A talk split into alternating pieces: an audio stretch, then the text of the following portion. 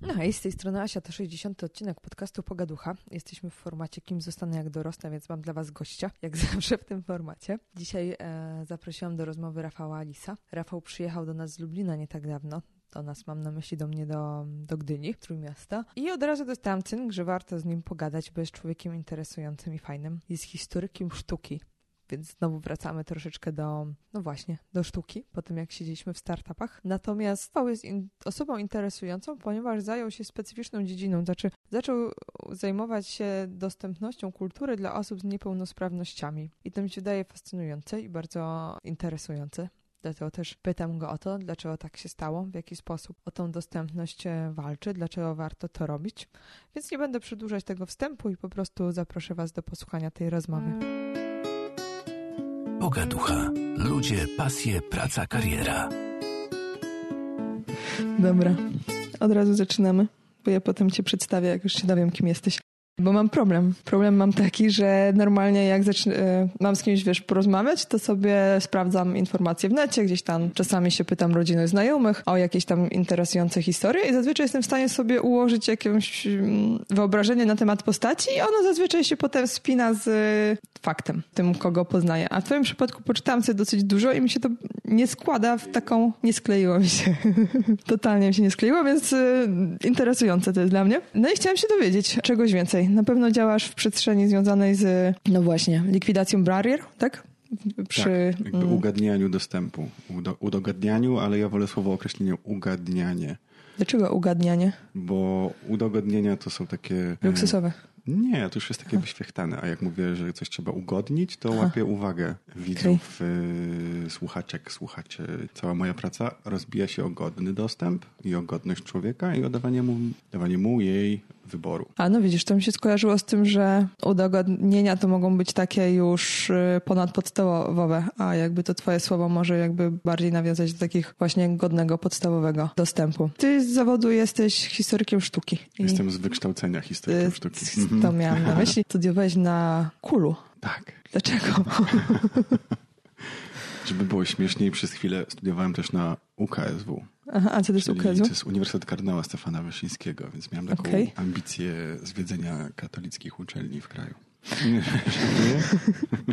Żartuję? Nie, ale Kul się różni, bo y, Kul jest taką specyficzną uczelnią, bo y, mówią o niej dobrze, mhm. a jest cały czas Uniwersytetem Katolickim. No i właśnie może się od ciebie dowiem, o co chodzi w tym, że Uniwersytet jest katolicki. Kul jest prywatną uczelnią, Aha. która należy do Kościoła katolickiego, ale jest subsydiowana przez państwo i ma wszystkie uprawnienia państwowego mm, uniwersytetu. No i poza tym, że ma to K w nazwie, które ja się zawsze śmiałem, że najmniej mnie to interesowało, to K. Zresztą KUL się kiedyś nazywał UL, po prostu mhm. Uniwersytet Lubelski, ale to było dawno, dawno, dawno temu. I nie ma tam lekcji religii, nie ma tam modlenia się, nie ma, jestem trochę dużo zakonnic i trochę dużo księży, trochę dużo zakonników i niektórzy wykładowcy są księżmi albo też zakonnicami, ale oprócz tego nie zauważyłem żadnych istotnych różnic. Natomiast ja studiowałem w trybie indywidualnym, więc trochę inaczej niż inni. Mhm.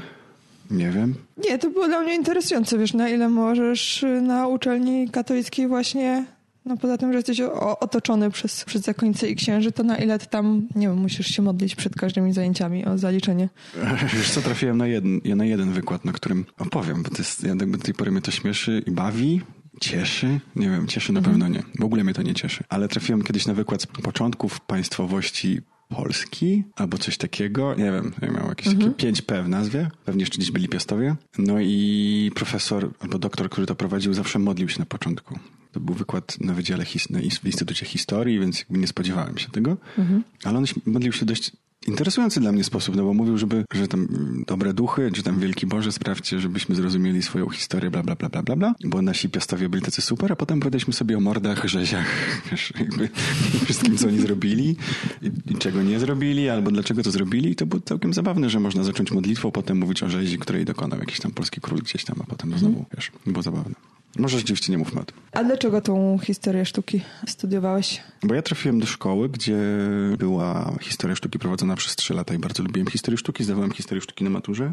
Mhm. Historia sztuki zastąpiła mi taką lukę, którą bardzo mocno poczułem, kiedy zorientowałem się, że i, zapętliłem, ale ludzie dzielą się na tych, którzy patrzą w przód i tych, którzy patrzą w tył. I ja zawsze patrzyłem w tył i jakoś historia ludzi mnie bardzo interesowała. Ta historia jednostek nie bardzo, ale historia społeczeństw super. Była interesująca dla mnie, ale w pewnym momencie zorientowałem się, że jak jesteś historykiem w Polsce, to musisz mówić, kto był dobrym, a kto złym Polakiem. I mnie to w ogóle, w ogóle, w ogóle nie obchodziło. No i dlatego przy, płynnie przeszedłem do zastanawiania się nad tym, dlaczego jakieś dzieła sztuki powstają, dlaczego jakieś powstały i co, co przez pryzmat tych obiektów można powiedzieć o ludziach, którzy kiedyś żyli. To jest ciekawe, co mówisz na temat podziału ludzi na tych, którzy patrzą w przód i w tył, bo na przykład ja zawsze lubiłam historię i ostatnio sobie wymyśliłam właśnie, że patrzenie w przyszłość i futurystyka to jest taka historia, tylko co jej jeszcze nie było. No, tak. I że to jest jakby, i że możesz, i że patrząc w tył, możesz prognozować, co jest z przodu, i że dla mnie to się na przykład bardzo łączy. Że jeśli chcesz wiedzieć, co będzie z przodu, to musisz czasem zobaczyć, spojrzeć, wiesz, za siebie. I nie dzieliłabym ludzi na takich. Są ludzie, którzy na nic nie patrzą, i ludzie, którzy się rozglądają. Okay, Dobra, e... jakby nie, nie jest to mm, może najważniejsze, ale ciekawe jakby mm, spojrzenie. A w sztuce y, też mówisz, co jest dobre, co jest złe. Nie. Historyk sztuki nie jest i historyczka sztuki. Historyk i historyczka sztuki to nie są osoby, które y, opowiadają o tym, co jest ładne, a co jest brzydkie. I to absolutnie nie jest osoba, to nie są osoby, które mówią o tym, co jest dobre, a co złe, tylko to są osoby, które tłumaczą kontekst i opowiadają o dziele. Na pytanie o tym, co jest ładne, a co jest brzydkie, odpowiadają estetycy i estetyczki oraz krytycy i krytyczki. Bo znowu nie, no tylko ludzie, którzy wiesz, studiowali na SP, no to ich problem, e, tak przynajmniej e, rozmawiałam z Dominiką, wiesz, która, która mm -hmm. na SP studiowała jakiś czas temu e, i z innymi ludźmi, to oni często mówią, że problem był taki, że właśnie profesorowie bardzo wymaga, wymuszali pewną estetykę i bardzo mm. sugerowali, wiesz, co jest dobre, co złe. Co na etapie takiego tworzenia się artysty, no pewnie dobrze, żeby ktoś jak wskazał drogę, ale to często było właśnie nie poprzez tłumaczenie nie, kontekstów czy, czy czegoś, to, to było na zasadzie to jest, brzyd, to jest dobre, to jest niedobre, nie? To znaczy to, że to byli źli i złe wykładowcy i złe wykładowczynie? Chyba. Nie wiem, może czas rzucić studia i zmienić uniwersytet albo rozpocząć strajk na Akademii Sztuk Pięknych. Bo ty jesteś takim aktywistą, nie? Człowiekiem, no trochę się określam jako aktywista albo społecznik. Aha. A skąd się to wzięło? Nie wiem, z kryzysu egzystencjalnego. Albo... Ale pamiętasz taki moment, w którym zrobiłeś pierwszą e, rzecz taką, wiesz, nie, nie dla siebie, tylko stwierdziłeś, że w jakiejś sprawie warto jest się wypowiedzieć i zawalczyć o jakieś idee? Mm, wiesz co, tak. Mhm. I to było późno, bo to było na pierwszym roku studiów w Lublinie już. Um, ale też jak zadałaś to pytanie, ja nie lubię takiego freudowskiego podejścia, ale jak zadałaś to pytanie, to sobie pomyślałem, że ja zawsze miałem mm, takie kompetencje lidera. W sensie wchodziłem w takiego gostka, który próbował budować grupy, który opowiadał dzieciakom swoje wizje, jak nie wiem, trzeba było decydować o czymś. Mhm. I nie wiem, czy ty tak miałaś, ale ja jestem przekonany, że tak miałem, ale może mi się to śniło, że na świadectwie w klasach 1-3 miało się taką część opisową mhm.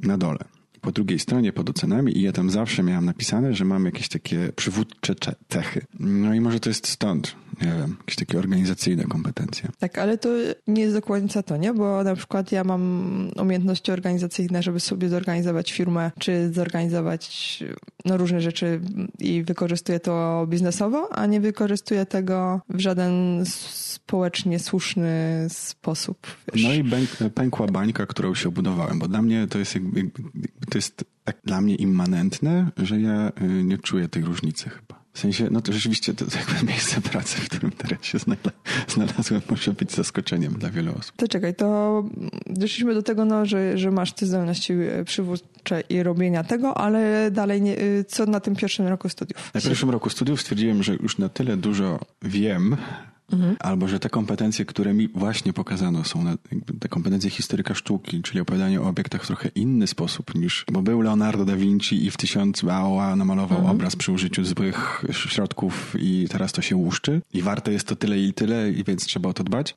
To stwierdziłem, że, że jakby że chcę o, o tym opowiadać innym w ten sposób, w jaki mi opowiadają moi profesorowie, moje profesorki. Przy takiej młodzieżowej fundacji zacząłem wykładać historię sztuki dla jeszcze młodszych ludzi. Potem mhm. dla seniorów i tak już się potoczyło, że zostałem e, takim gościem, który lubi tłumaczyć sztukę innym, no a najpiękniejszym finałem tej przygody była koordynacja dostępności i organizowanie rzeczy, które ułatwiają dostęp do sztuk plastycznych i nie tylko osobom z niepełnosprawnościami. Mhm. Boom. To cały czas będziemy powolutku się przesuwać w stronę właśnie dostępności dla niepełnosprawnych, bo Osób z niepełnosprawnościami. osób z niepełnosprawnościami, Bo to jest tylko jedna z cech, a nie mm, coś, co super określa tę osobę. wiem, bo czytałam twoją prezentację, No, ale no tak. wiesz, jakby są skróty, znaczy no, jakby przyzwyczajenia. Okej, z- zaraz przejdziemy do tego co i jak, tylko powiedz mi jeszcze, po co o tej sztuce rozmawiać i po co tą sztukę przybliżać ludziom? Tylko z jednego powodu. Mhm. I ten powód jest niesamowicie istotny i ciężko zamykać na niego oczy. Sztuka Mhm. po prostu jest. I to, że jest, to jest wystarczającym powodem do To, tego, że sztuka żeby... jest, jest wystarczającym powodem do tego, żeby o niej rozmawiać, ponieważ sztuka jest przestrzenią swobody twórczej. Nie zawsze była, ale dzisiaj możemy tak mówić. Mhm. Chociaż nie wszyscy chcą, żeby tak było. Sztuka i kultura jest szeroko, nieważne. Mhm. Jest polem negocjowania wartości, polem, które buduje wspólnotę, polem, gdzie pewne utarczki, wbrew temu, co chcą powiedzieć niektórzy prawicowi politycy i polityczki, jest też przestrzenią, gdzie pewne starcia są tak naprawdę bezkrwawe, więc bezkosztowe. Sztuką nie można nikogo obrazić, tak uważam. Sztuka nie może ci zrobić krzywdy, też tak uważam. Więc tak, po to, po to, po to rozmawiać o sztuce. Zwłaszcza dawnej, po co rozmawiać o sztuce dawnej? Po to, żeby rozumieć sztukę dzisiejszą. I jeszcze fajnie jest mieć z tyłu głowy, że ta sztuka, która jest dzisiaj, też kiedyś będzie sztuką dawną. Czyli zacząłeś angażować się w te świetlice, tak? Bo ty, ty pracowałeś na świetlicach dla dzieciaków, z tego co zrozumiałam z twojego... To znaczy, to była organizacja pozarządowa, która była, jakby, nazywa się Teatrikon i jej głównym celem jest aktywizacja młodych dorosłych. To nie była świetlica sensu stricto, to było raczej takie nieformalne miejsce, które służyło jako biuro projektowe, ale też miejsce, gdzie młodzi ludzie robili fajne rzeczy dla siebie i dla innych. I poszedłeś z tym dalej. I poszedłem z tym dalej, bo Teatrikon się świetnie wtedy rozwijał. Po jakimś czasie była propozycja wejścia w zespół i to było piękne. Też wpadliśmy na genialny pomysł, czy władze organizacji, ludzie niewiele starsi ode mnie wpadli na genialny pomysł założenia społecznego domu kultury i to się udało, ale mm, okupione było chyba takim kosztem, że wielu z nas odpadło po krótkim czasie. Ale tam też y, działałeś. Czy to się w końcu y, też stamtąd zniknąłeś? Czy, czy, czy faktycznie finalnie coś tam zaczęło się Czy wydarzyć? ja tam byłem trzy lata i Aha. ten ostatni rok to był, to był już czas, kiedy ja poszedłem w trochę inną stronę. Mhm. Kiedy zacząłem swoje zainteresowania przerzucać na modernizm i architekturę modernistyczną, sztukę raczej powojenną niż dawną, więc Mhm. a że to jest, było na tyle absorbujące, że tam, z tamtego miejsca musiałem odejść, no to tak wyszło. I to był ten moment, kiedy już zacząłeś się zajmować tym dostępem właśnie dla osób z niepełnosprawnościami? Nie, to przyszło trochę później, Aha. bo ja tym zajmuję się od trzech sezonów, czyli mniej więcej w czasie, w którym już przestałem pracować w innym, no to było później po prostu. Tak sam się gubię w swojej biografii, dlatego że ja co miesiąc, co, nie co miesiąc, to nie na szczęście, ale co rok, co roku zmieniam miejsce pracy tak naprawdę. Ale te wszystkie miejsca pracy gdzieś mają wspólny no, oś, wspólny pion. No to jest bardzo spójne to, to, co robisz. Z tego przynajmniej jak ja odniosłam wrażenie, że to zawsze jest gdzieś tam w okolicach tej e, kultury i sztuki. Jest jakiś istotny powód, dlaczego ty się właśnie zająłeś tym, tym dostępem, upowszechnianiem dostępu i z likwidacją barier? Tak znowu trochę freudowsko, co? Nie, no to niekoniecznie freudowsko wyżył, bo możesz odpowiedzieć na przykład, szedłem ulicą, zobaczyłem, że ktoś nie może przejechać i Okej. się wkurzyłem, nie? No to nie ma tutaj jakiegoś... Tak, y, znaczy ja miałem i mam, znaczy w Lublinie mam y, sąsiadów głuchych i jak prowadziłem swoje działania, niezależnie od tego, czy to były NGOsy, czy instytucje kultury, no to widziałem, że to, co ja robię, jest dla nich zupełnie, zupełnie niedostępne. Też pamiętam taki moment, jak, że ja, też bardzo długo wiedziałem, na czym bardzo dobrze wiedziałem, na czym polega bycie głuchym i bycie głuchą, ale nie miałem narzędzi do komunikacji. Pracowałem w miejscu, które się nazywało Dom Słów. Oni budowali swój program wokół słowa drukowanego, mówionego, pisanego, recytowanego i tak dalej. I ja wtedy, jak do nich dołączyłem, to szukałem pola dla siebie i zobaczyłem, że brakuje słowa miganego. I to się pięknie zbiegło z tym, że pewne instytucje mm, zaczęły szkolić ze współpracy z, osób, z, osobami z niepełnosprawnościami i tam zacząłem stawiać pierwsze kroki, jeśli chodzi o kulturę głuchych, rozumienie głuchych, wiedzę o głuchych, kontakt z głuchymi. No i tak to wyszło. To powiesz nam coś więcej, bo ja na przykład zaczęłam się uczyć e, właśnie języka migowego wiele lat temu i okazało się, że to nie jest taka prosta sprawa, nie? Po pierwsze dlatego, że tych języków jest kilka, że ten język jest inny niż ten język, którym my mówimy, więc ciężko to bezpośrednio jakby przekładać do tego, że to też nie jest tak, że ten kontakt będzie bardzo łatwy, bo to też nie jest zawsze tak, że my nauczymy się coś migać i spotkamy pierwszą osobę migającą, coś zamigamy i ona się bardzo ucieszy, że, że tak jest. Do, no, chyba, że ja powielam stereotypy, więc jakby możesz od razu tutaj powiedzieć, w którym znaczy, punkcie powielam stereotyp, ale na pewno było tak, że są te ośrodki dla mm, osób właśnie głuchych. Y, Oni mają takie te społeczności bardzo ze sobą zżyte, zamknięte w pewien Mhm. sposób. Ciężko jest się tam dostać. Plus też y, sposób mówienia bardzo mocno determinuje bardzo mocno, w pewien sposób determinuje e, sposób myślenia i jednak y, im właśnie lepszy dostęp do, do słów, do, do określeń będą... No, ci- wiesz, to nie jest takie proste do, do przełożenia, jak się niektórym by mogło wydawać. Tak jak, że nie wiem, nauczysz się hiszpańskiego i zaczniesz rozmawiać po, po hiszpańsku bez problemu, nie? Pytanie, czy tak jest faktycznie, czy to są takie plotki, stereotypy, bzdury, które opowiadają ci mm, ludzie? Um, trochę nie odpowiem na twoje pytanie Mhm. i zacznę opowiadać o tym, że jak jesteś taką osobą jak ja, albo jak masz takie ambicje, żeby łączyć ze sobą światy, które nie do końca chcą, tak jak powiedziałaś, czasem się łączyć, to stajesz jakby na tyle, na ile ci pozwalają te dwie grupy między nimi, więc ja staram się mm, szanować kulturę, język, sposób bycia osób głuchych, ale jestem świadom tego, że nie należę do tego świata, więc o nim nie opowiadam. E, Gusi mają swoich rzeczników, e, to są gusi celebryci, znani gusi, gusi, którzy mają na tyle odwagi i tyle determinacji, żeby opowiadać o swoim świecie. W dobie internetu dostęp do kultury, do informacji o głuchych jest super łatwy. Więc ja wolę mówić o świecie słyszących, bo jestem słyszący. Natomiast rzeczywiście jest tak, że język migowy ma zupełnie inną strukturę od języka mówionego czy fonicznego. Raczej mówi się o interpretowaniu niż o przekładaniu. No i to rzeczywiście jest tak, że sama znajomość migów nie pozwala na płynną komunikację z osobą głuchą. Natomiast to jest do nauczenia. I, jed- I też z mojego doświadczenia, bo ja uczę się migać trzeci rok i nigdy nie nauczyłem się tak wiele, jak mając codzienny, regularny kontakt z moją głuchą przyjaciółką, która oczywiście wykazywała się ogromną cierpliwością do daktylografii, czyli momentu, w którym brakowało mi znaków i musiałem na palcach przeliterować słowo czy mig, bo nie wiedziałem, jak jest wernisaż. Kłamie, bo wiem. nie wiedziałem, jak jest, nie wiem, próbówka, więc musiałem to mm, wymigać palcami, litera po literze. Dobra. Tylko to też nie wszyscy chyba. No dobra, bo znowu robię to, czego, się nie powinno robić. Czyli my sobie e, mówimy. Tak, dwóch słyszących z mikrofonami sobie. rozmawia sobie o tym, jak wygląda kultura głuchych i kim są głusi. Tak, więc Tak. może przestańmy Mhm. e, i wróćmy do tych słyszących. Co my robimy nie tak? Co my robimy nie tak, jako w, w kontekście osób z niepełnosprawnościami? Wszystko. Okej.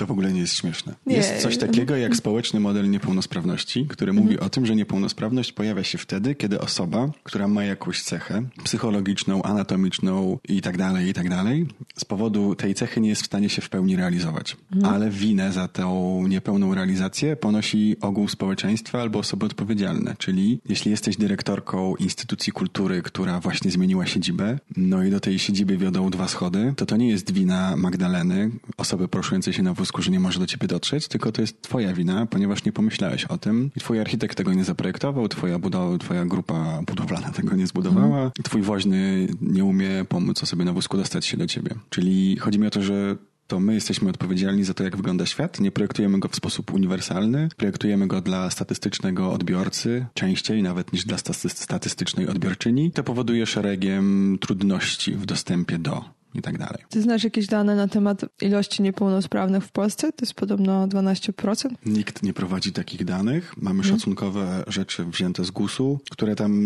oscylują wokół 12, 14, 16%, ale to jest, ja nie do końca umiem to dobrze tłumaczyć, ale to bazuje trochę na systemie orzecznictwa, który, jak pewnie wszyscy wiedzą, może być na krótki czas, na dłuższy czas lub na zawsze, ale wtedy trzeba i tak go odnawiać. No a poza tym to dotyczy od przez, nie wiem, przez niepełnosprawności intelektualne po bycie osobą głuchą. W sensie tam są wszyscy, którzy mają orzeczenia.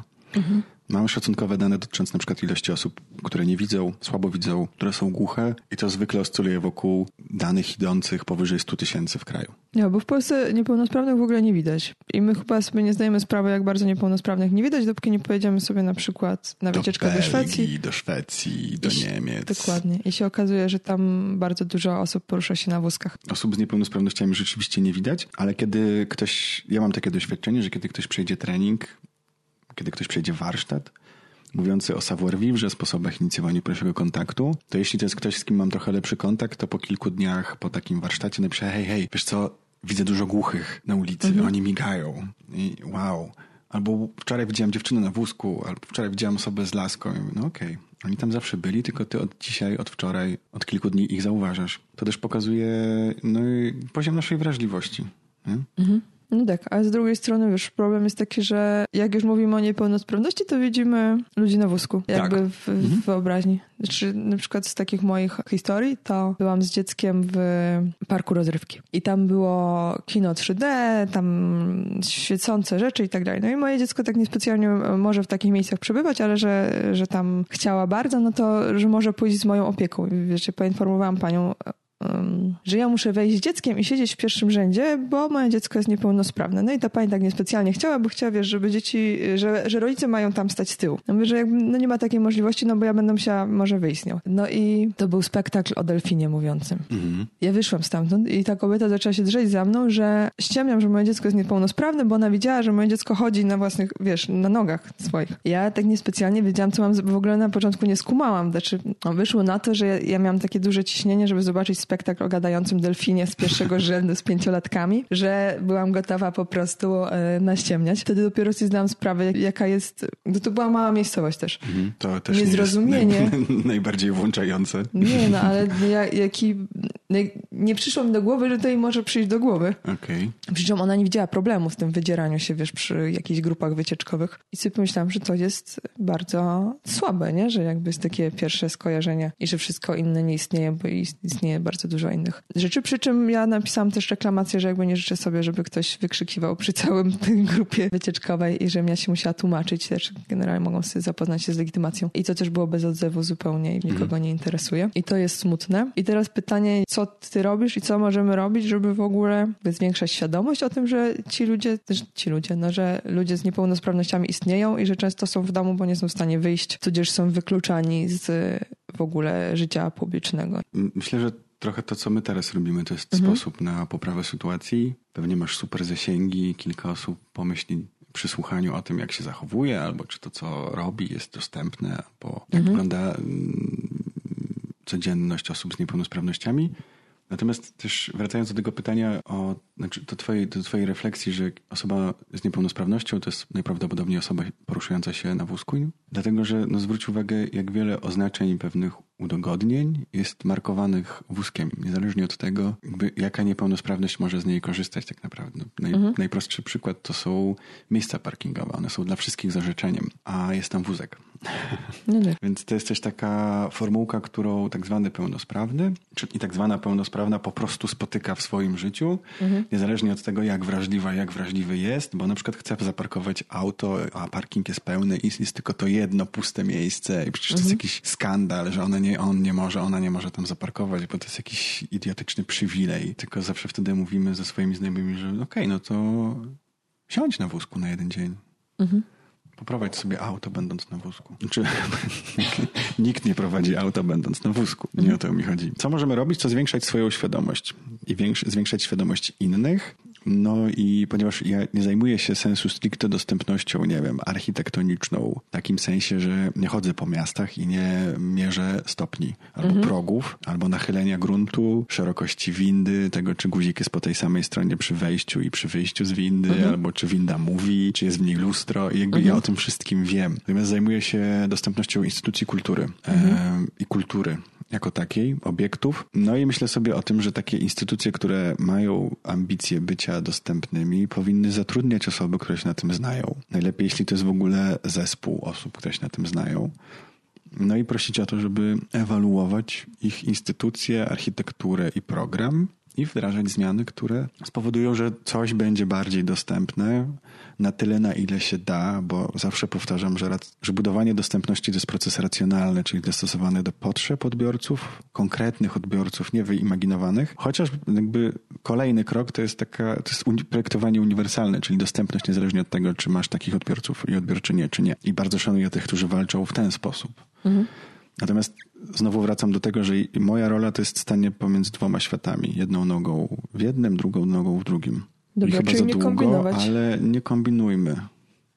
No, coś jeszcze chciałbym powiedzieć, ale wydaje, bo jakby to jest też tak, że pracując w poprzednim miejscu pracy, Mhm. w Galerii Sztuki Współczesnej, zajmowałem się dostępnością na całym etacie, w pełnym zakresie godzin raczej niż na całym etacie. I mam takie opowieści, że dyrektorka innej instytucji kultury pytała się nas, co to jest za taniec, kiedy po prostu przemowę mojego dyrektora tłumaczył, tłumaczyła, przekładała na język migowy tłumaczka.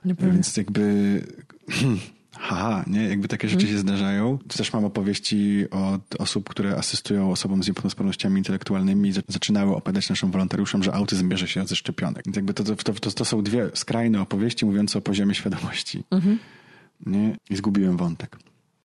Tak rozmawialiśmy o tym, że jeśli my chcemy coś zrobić, to, to że dobrze jest poprosić ekspertów, a nie koniecznie kombinować na zasadzie. No dużo też takich historii jest, gdzie na przykład właśnie ktoś się stara, no ale zrobi podjazd. Nie taki jak trzeba. Albo przykład. gorzej, schodołaz. To jest taka maszyna, która pozwala ci pokonać schody, ale ona nie pozwala ci być samodzielną i samodzielnym w tym, bo potrzebny jest pan, który wciśnie guzik, przekręci kluczyk, wyjdzie do ciebie, będzie kaszlał, przerwie kanapkę i tak dalej. Chociaż czasem jest potrzebna, bo nie ma innego wyjścia. Oczywiście z punktu widzenia instytucji czy osób, które mają jakiś realny wpływ na cokolwiek, to tak pytajmy ekspertów i to najlepiej ekspertów niezwiązanych z różnego rodzaju firmami, bo ja już widziałem tysiące tyflografii, które są drogie i może ładne, ale totalnie nie dostosowane do potrzeb osób, które nie widzą. Natomiast jeśli mówimy o takim przeciętnym Kowalskim i przeciętnej Nowak, to jeśli widzimy osobę z niepełnosprawnością, to traktujmy ją jak osobę bez niepełnosprawności, a jeśli widzimy, że potrzebuje wsparcia, to się upewnijmy, czy na pewno potrzebuje wsparcia, czyli zapytajmy, czy potrzebuje pani mojej pomocy? I jeśli ta osoba powie tak, to zapytajmy, w jaki sposób mogę pani pomóc? Chociaż ja nie lubię słowa pomóc, wesprzeć. Co mogę zrobić? Co mogę dla ciebie zrobić? I jak ktoś powie nie, to się nie gniewać, bo te osoby mają prawo nie chcieć pomocy i zawsze pada na szkoleniu pytanie, no dobra, ale ona nie chce pomocy i się wywróci, no to ma do tego prawo, ponieważ jest najprawdopodobniej dorosłą, samostanowiącą o sobie osobą. No, to są takie, takie historie. To powiedz, bo skoro tak dużo czasu dziennie poświęcałeś na to każdego dnia, to e, co jeszcze tam robiłeś? Wiesz co, z jednej strony to był audyt dostępności budynku i wdrażanie zmian od niskonaskładowych po planowanie sposobu pozyskania funduszy na poważne rzeczy, ale to też było budowanie programu dostępnego dla osób z niepełnosprawnościami, czyli takie profilowanie warsztatów albo spotkań, żeby one były dostępne dla osób głuchych, żeby warsztaty były z korzyścią dla osób, które nie widzą albo słabo widzą. Po prostu.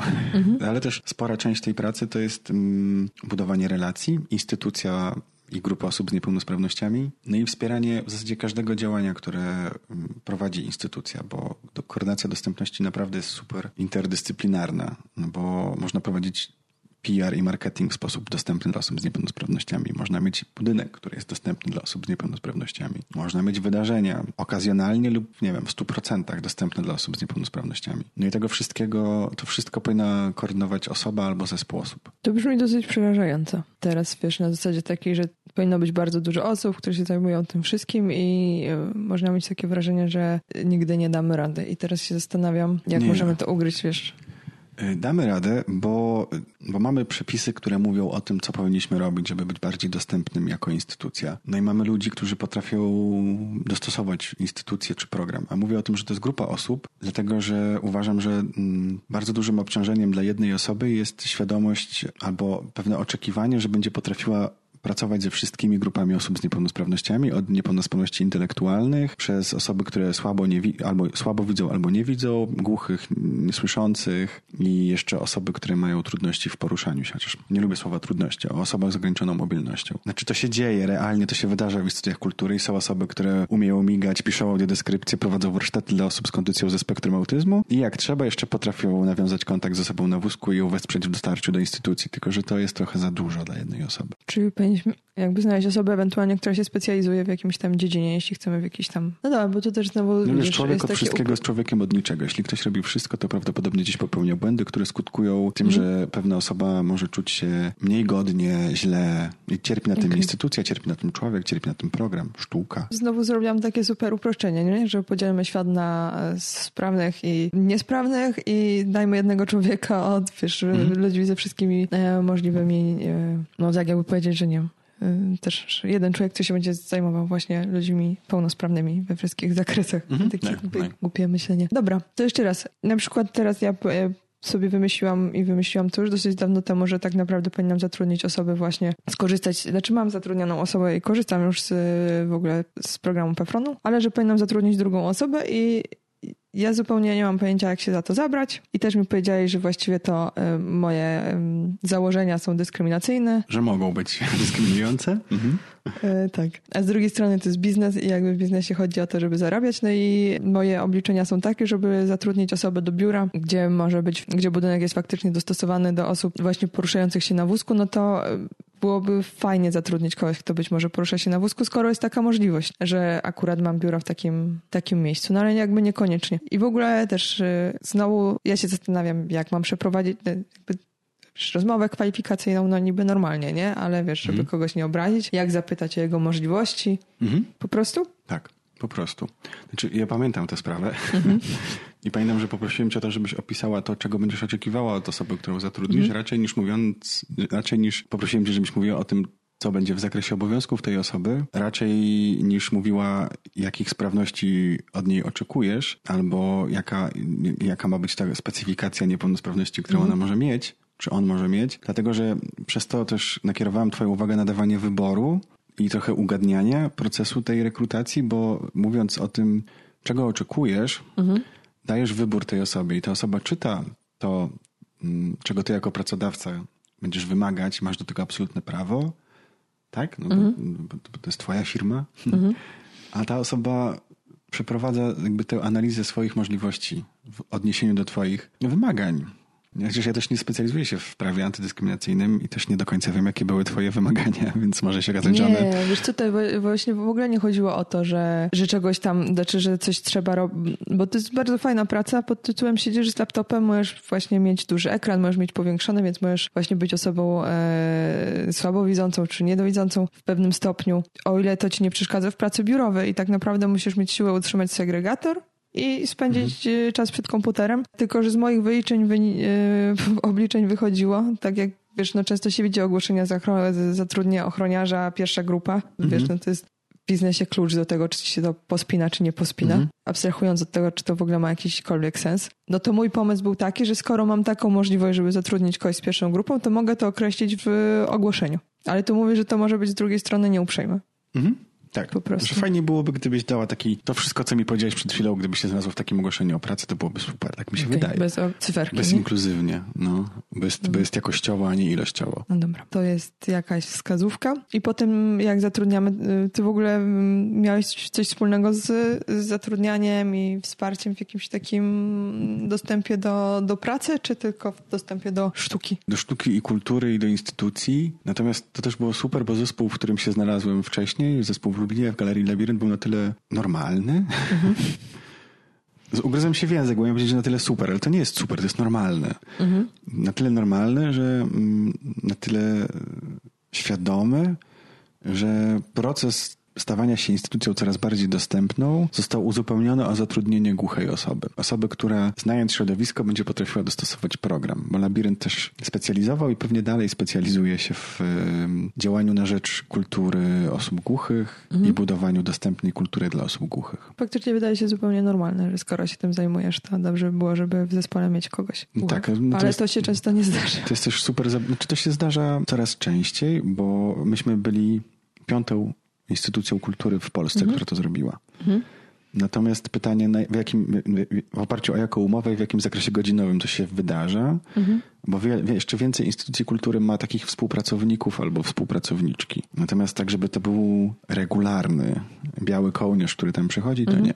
To się rzadko zdarza. Jednym z pierwszych gości mojego podcastu w ogóle była Alka Korekterka, która mi robi redakcję i korektę tekstów i jest też e, fantastycznym, roześmianym człowiekiem i ona jest z Lublina. Stąd ja wybrałam się na wycieczkę do Lublina i, i zachwyciłam się Lublinem, bo wyobrażałam sobie zupełnie inaczej, ale to też są takie tereny, które nie są może by najbogatsze e, wszędzie dookoła i to jest taka część Polski, a ty opowiadasz, że tam się bardzo dużo dzieje związanego właśnie z kulturą, sztuką, że to wszystko ci się udaje fajnie robić. to jest normalne, czy po prostu tam mocno musiałeś forsować te swoje pomysły, bo jesteś zdeterminowany, żeby robić to, co chcesz robić? Znaczy ja jestem w czepku urodzony, Aha. więc nie jestem dobrą osobą do tego, żeby opowiadać o tym, co się, co się w Lublinie udaje, a co się nie udaje.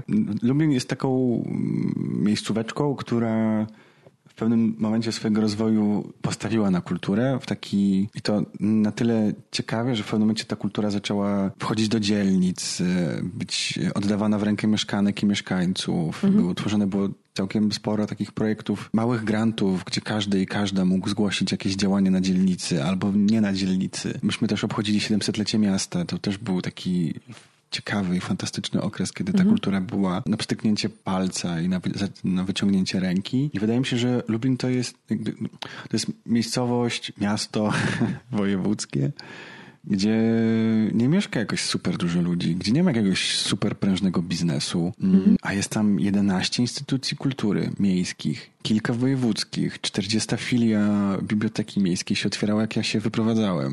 Mm, Jest tam kilka naprawdę fajnych festiwali, na które chętnie pojadę w przerwie wakacyjnej. I to są rzeczy związane zarówno z nowym cyrkiem, jak i z jakąś mm, ciekawszą muzyką, mm, z kulturą ludową. Mam takie wrażenie, że Lublin buzuje i to jest warto, żeby spoglądać na Lublin. Tak, no bo y, wiesz, Ela właśnie opowiadała o tym, ona założyła wydawnictwo, potem ona zaczęła pracować nad jakąś tam publikacją o Lublinie i się okazało, że to jest cała masa ludzi, którzy właśnie robią jakieś takie rzeczy związane z literaturą, z historią miasta, ekscytują się tym i właśnie mm, wydaje się, że to jest prawda Ela nie ściemniała, bo potwierdzasz, że w Lublinie się dzieje. Mhm. I też Lublin jest takim fajnym miastem, które buduje coraz większą świadomość i co ciekawe, bardzo dużo ludzi, którzy są w ruchach miejskich, też wywodzi się z środowiska y, artystyczno-kulturalnego i ja mam trochę wrażenie, że to się tak w trochę specyficzny sposób w Lublinie mieli i jakoś tak, no, bo to jest trochę tak, że Lublin jest trochę z boku. W sensie blisko jest Warszawa, no ale dookoła Lublina są tylko miasteczka mniejsze od Lublina i Lublin tak nie za bardzo ma z kim, by wiecie, podać sobie łapkę albo porywalizować. Więc jest trochę taki, takim garnkiem z kompotem, który się gotuje gdzieś na uboczu, ale za jakiś czas będzie super kompotem do popicia deseru, nie? Wiesz, że no za dużo ludzi nie zerka na Lublin, chociaż to się zmienia, podejrzewam i, i to jest super, że to jest trochę takie wsobne, że to jest lubelskie. Nie? Zazwyczaj większość miejscowości poznaję przez to, że zajechałam tam jadąc gdzieś, nie? Jeśli nie było miejscem docelowym jak Warszawa, Kraków, Wrocław. A Lublin nie jest po drodze donikąd dla mnie. Okej. No I pewnie do Lwowa, jak ktoś jedzie własnym środkiem transportu, to można się, warto się zatrzymać w Lublinie. Można, no ale w Lwowie byłam raz i musiałam się wybrać specjalnie do Lublina i, to zaj- i, i nie da się tam dojechać w ogóle z Gdyni. Jak ty jeździsz do Lublina? Jeszcze nie jechałeś tam. Znaczy, bardzo długo jeździłem PKP, teraz mam wspaniałą koleżankę Paulinę ze wspaniałym psem Grażyną, z którą pokonujemy trasę z siódemkę autem i w, w Warszawie przesiadam się w jakiś środek transportu zbiorowego. Dobra. Bo ja zawsze obiecuję, że wrócę do Lublina, ale to mnie kosztowało 8 godzin jechania samochodem i siedzenia na tyłku, a inną opcją było jechanie pociągiem dookoła świata i przez 14 godzin i może stąd. Ja bym zrobiła taką akcję e, oddajcie nam dostęp do Lublina i nie wiem, zrobimy jakieś trasy. Możemy też przenieść Lublin nad morze, to byłoby super korzystne. Nie, bo tam okolice są ładne. To musimy jeszcze to przedyskutować, ale może już poza anteną. Tak po łebkach troszeczkę pojechaliśmy tymi tematami różnymi, bo tak, no o osobach głuchych no nie będziemy dyskutować, bo możemy mm, dopytać e, jakby u, u źródła. Mm, Ale ja bym chciała, żebyś jeszcze kilka rzeczy powiedział. Na pewno masz coś do powiedzenia, o co się nie py- pytałam. No właśnie, to mówiłeś, żeby normalnie traktować, żeby pytać, a może coś jeszcze jest istotnego. No, istotne pomoc. jest to, żeby, o wsparcie, istotne jest to, żeby się nie bać. Mhm. Ale no lęk wychodzi z niewiedzy. Ja mam takie mocne przeświadczenie. No i też, wiesz, no my sobie teraz rozmawiamy znowu o tych trzech widocznych grupach, czyli niewidomych, bo stukają laską y, i piszą na maszynie brajlowskiej, która jest głośna. Głuchych, którzy machają rękami i się krzywią, więc też są widoczni. Osoby na wózkach, no bo, no bo są. A gdzie są osoby z niepełnosprawnościami intelektualnymi, gdzie są dzieci ze spektrum autyzmu, dorośli ze spek- z kondycją ze spektrum autyzmu. A to są te grupy, które, jak na przykład prowadzę szkolenie i jest taki moment, że ludzie sobie wymieniają niepełnosprawności. To ćwiczenie nie jest po to, żeby sprawdzić wiedzę, nie o to chodzi, tylko po to, żeby porozmawiać o języku, nie? o inkluzywnym języku, o nazywaniu siebie wzajemnie w sposób godny, zwłaszcza w komunikatach zewnętrznych, bo w prywatnych rozmowach niech każdy mówi jak chce. To jest To jest jego wstyd albo jego duma. Natomiast jeśli komunikujemy się zewnętrznie w sposób niegodny, no to to jest słabe. I to jest też podstawa nawiązywania relacji, instytucja, publiczność. Natomiast, y, no i tak sobie gadamy, gadamy, gadamy, no i tam 10 minut wszyscy się już wyprztykali. Nie? I mam takie, taką refleksję, że, że niewidomi, słabowidzący, szybko. Głusi, słabosłyszący, szybko. No i tam wózek, amputacja, inne takie szmery, bajery, ograniczona mobilność, proszę bardzo. No i potem, no dobra, no i co jeszcze, nie? I, jakby, i, i ludzie zaczynają pocić. No bo i dochodzimy do chorób układu moczowego i tak dalej, no a potem, ja, nie zawsze, ale często, no dobrze, ale mm, nie wiem, osoby z kondycją ze spektrum, e, aspergerowcy, osoby z zespołem Downa, niepełnosprawności intelektualne. To są takie osoby, o których społeczeństwo w pierwszej kolejności nie myśli. Zastanawiam się, y, co można zrobić. Znaczy akurat, no, no dla mnie to jest problematyczne o tyle, że ja nie, nie widzę rozwiązania. Może ty masz jakieś rozwiązanie. Wiesz, bo te, te wszystkie rzeczy, które widać, to widać, nie? Ale właśnie te niepełnosprawności, których nie widać, na przykład znajoma, która miała e, ślicznego syna, takiego naprawdę ładnego chłopca z spektrum autyzmu, ale taki, bo wiesz, bo ładni ludzie są mili. I tak, problem był taki, to był, dlaczego o tym mówię, że to, że on był takim ślicznym dzieckiem, to było problemem, bo do ślicznego dziecka ludzie zagadują. Mhm, Okej, to nie jest E. najlepszy sposób e, inicjowania kontaktu. Tak, bo jeśli masz dziecko z zespołem Downa, czy coś, no poza tym, że jakby mm, nie, nie, niekoniecznie będzie reagować tak agresywnie, no to, to jest widoczne po prostu na pierwszy rzut oka, nie? Jeśli y, jest dziecko ze spektrum autyzmu, to tego nie widzisz i bardzo często się zdarzają babcie w autobusie, które na przykład zaczną się drzeć, dlaczego im nie ustąpi miejsca, wiesz, takie ładne jasne. dziecko nie ustąpi miejsca. No jeśli zaczniesz krzyczeć na, na, na to dziecko, to ono zareaguje agresywnie i potem się robi jeszcze większa no i nie jesteś w stanie takim ludziom wytłumaczyć, poza tym, że jako matka się czujesz strasznie na wielu płaszczyznach źle, nie? No, twojemu dziecku jest źle, ludzie się na ciebie patrzą, ty wychodzisz na osobę agresywną, bo e, matki dzieci niepełnosprawnych są agresywne i roszczeniowe. Po prostu, nie? Wiesz, jakby takie jest założenie. E, Mam chorą córkę, nie? Taki, taki śmieszny mam i czegoś tam chcę od ludzi. Masz jakiś sposób na to, żeby oswajać środowisko, co można robić?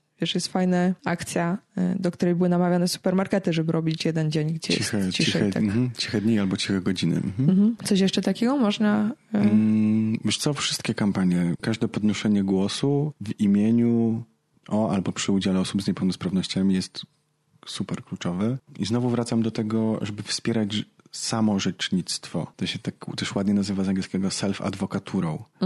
I są teksty pisane przez na przykład osoby z niepełnosprawnościami intelektualnymi, które są opisami ich sytuacji. Są tak zwani self-adwokaci i self-adwokatki. Są też teksty pisane w sposób dostępny dla osób z niepełnosprawnościami intelektualnymi. To jest tekst łatwy, to jest trochę inna, jakby nie prostsza, ale inna gramatyka, pewien rygor pisania, pewien też rygor formatowania tekstu oraz ilustrowanie tego, co jest napisane grafiką albo zdjęciem. Nie? I na przykład instytucje kultury, przepraszam za mono, bycie monotematycznym, ale piszą tak zwane przedprzewodniki, które opowiadają o tym, co się wydarzy w instytucji po, w momencie przejścia przez drzwi, albo w ogóle jak do niej dotrzeć. Nie? I to są takie, to są takie teksty, które no, z jednej strony wspierają te osoby w dostępie, a z drugiej strony no, to jest czytelny sygnał dla każdego, kto na przykład odwiedza taką stronę internetową, nie wiem, Muzeum Miast, które ma super przedprzewodnik, bo jest pisany przy udziale osób z niepełnosprawnościami, czy ze spektrum autyzmu, z kondycją ze spektrum autyzmu, czy nie wiem, Muzeum Sztuki w Warszawie, Galeria Labirynt i tysiące, tysiące przesada, dziesiątki innych, mają coś takiego y, na swoich stronach internetowych, w zakładce zaplanuj wizytę. Więc każdy, kto tam wchodzi, każda, która tam wchodzi, widzi to. I jakby to też jest to coś, co ja bym chciał, żeby strasznie wybrzmiało. Z tej naszej rozmowy to jest to, że Dwie, dwa wątki.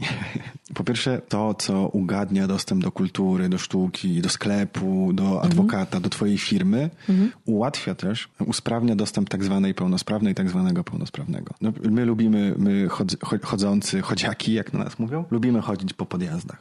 Strasznie to lubimy, bo to jest wygodniejsze, jeśli to są dobrze zaprojektowane podjazdy. I to, co, to niezależnie od tego, dla jakiej grupy projektujesz, to zawsze powiesz mi jakimś narzędziu ułatwiającym dostęp, to ja ci powiem, kto tak zwany pełnosprawny z tego korzysta. Ale z tego korzystać będą matki z dziećmi, osoby starsze, obcokrajowcy i tak dalej. Druga rzecz, jak budujesz coś dostępnego, na przykład dajesz nawet ogłoszenie o pracy, że chętnie zatrudnisz taką, taką osobę, no to wrzucasz tekst, który mówi o tym, że takie niepeł- że niepełnosprawność jest, że ty jako Joanna widzisz osoby z niepełnosprawnościami i że oczekujesz, że one nawiążą z tobą kontakt. Instytucja kultury, która tłumaczy na język migowy, wracamy do tej pani od performance'u i tańca, tłumacząc coś na język migowy ma 30 głuchych odbiorców, ale obok nich stoi 150 słyszących, mhm. którzy są edukowani w tym momencie, że coś takiego jak język migowy istnieje. Że to jest sprawny sposób komunikacji. Że są głusi, że głusi chodzą do galerii sztuki, że głuche są matkami, no nie wiem, cokolwiek. Po prostu uwidaczniasz, uwypuklasz różnorodność świata. Czyli nie przekłamujesz rzeczywistości, czyli opowiadasz prawdę o świecie. Wydaje mi się, że to jest bardzo fajne zakończenie, dwie rzeczy. Mi się bardzo podoba to, co mówisz na temat tego, że te udogodnienia nam nie przeszkadzają, tylko pomagają, bo to jest coś takiego, co najbardziej mnie ucieszyło w tych, to się nazywa właśnie te niebieskie tam wtorki, czy coś takiego, które mhm. miały być wszystko ciszej, że ja wtedy będę mogła zrobić zakupy, bo to nie jest tak, że wszyscy ludzie lubią ten hałas ostre światła i mi się marzy, żeby tam się zakraść w porze właśnie, wiesz, i, i, i zrobić w spokoju zakupy, więc może, mm, no, że to jest fajne, że to jest dobre i też często my nie rozumiemy różnych dokumentów i gdyby one były napisane właśnie językiem prostym mhm. E, dla każdego, to my moglibyśmy przestać udawać, że je rozumiemy, nie? Bo czasami ściemniamy, że rozumiemy jakieś mhm. dokumenty, żeby mhm. właśnie nie, nie było, że, że coś e, jest z nami też nie tak. Właśnie ale wiesz, ta rada jest taka, żeby budować wydarzenia, które są inkluzywne i też nazywać je w sposób inkluzywny. Mhm. Ja chyba nigdy nie zrobiłem czegoś takiego, że napisałem, że wydarzenie jest dla głuchych mhm. albo wydarzenie jest dla niewidzących. Mhm. Słabowidzących. Tylko pisaliśmy, pisałem, pisaliśmy zawsze, że to jest wydarzenie z audiodeskrypcją. Mhm. I przecież widzący, widząca też może przyjść na wydarzenie z audiodeskrypcją, jeśli chce. Nie? Jakby mieliśmy też wydarzenia tłumaczone na polski język migowy. Mhm. I one były, no, był, był ktoś, kto mówi i był tłumacz. A teraz w Labiryncie i w kilku innych miejscach w Muzeum Sztuki Nowoczesnej, gdzie też przez chwilę byłem, jest jeszcze ciekawsza sytuacja, bo jest głuchy edukator, głucha edukatorka i tłumacz, tłumaczka. O. Więc poznajesz świat z ciekawej perspektywy, mhm. jako słyszak. Dziękuję Ci bardzo. Zabrałeś nas do trochę innego świata. Trochę takie miejsca, których się normalnie nie widzi. Ja podlinkuję do tych miejsc, o których mówisz, podlinkuję do Ciebie, więc myślę, że mogę tak zrobić. Jeśli ktoś by chciał coś więcej, to może się do Ciebie odezwać. Czy nie? Czy jesteś zamknięty? Jestem absolutnie dostępny i zapraszam do tego, żeby, żeby jakby zmieniać, zmieniać rzeczywistość. To by było na tyle. Kolejny odcinek już za tydzień.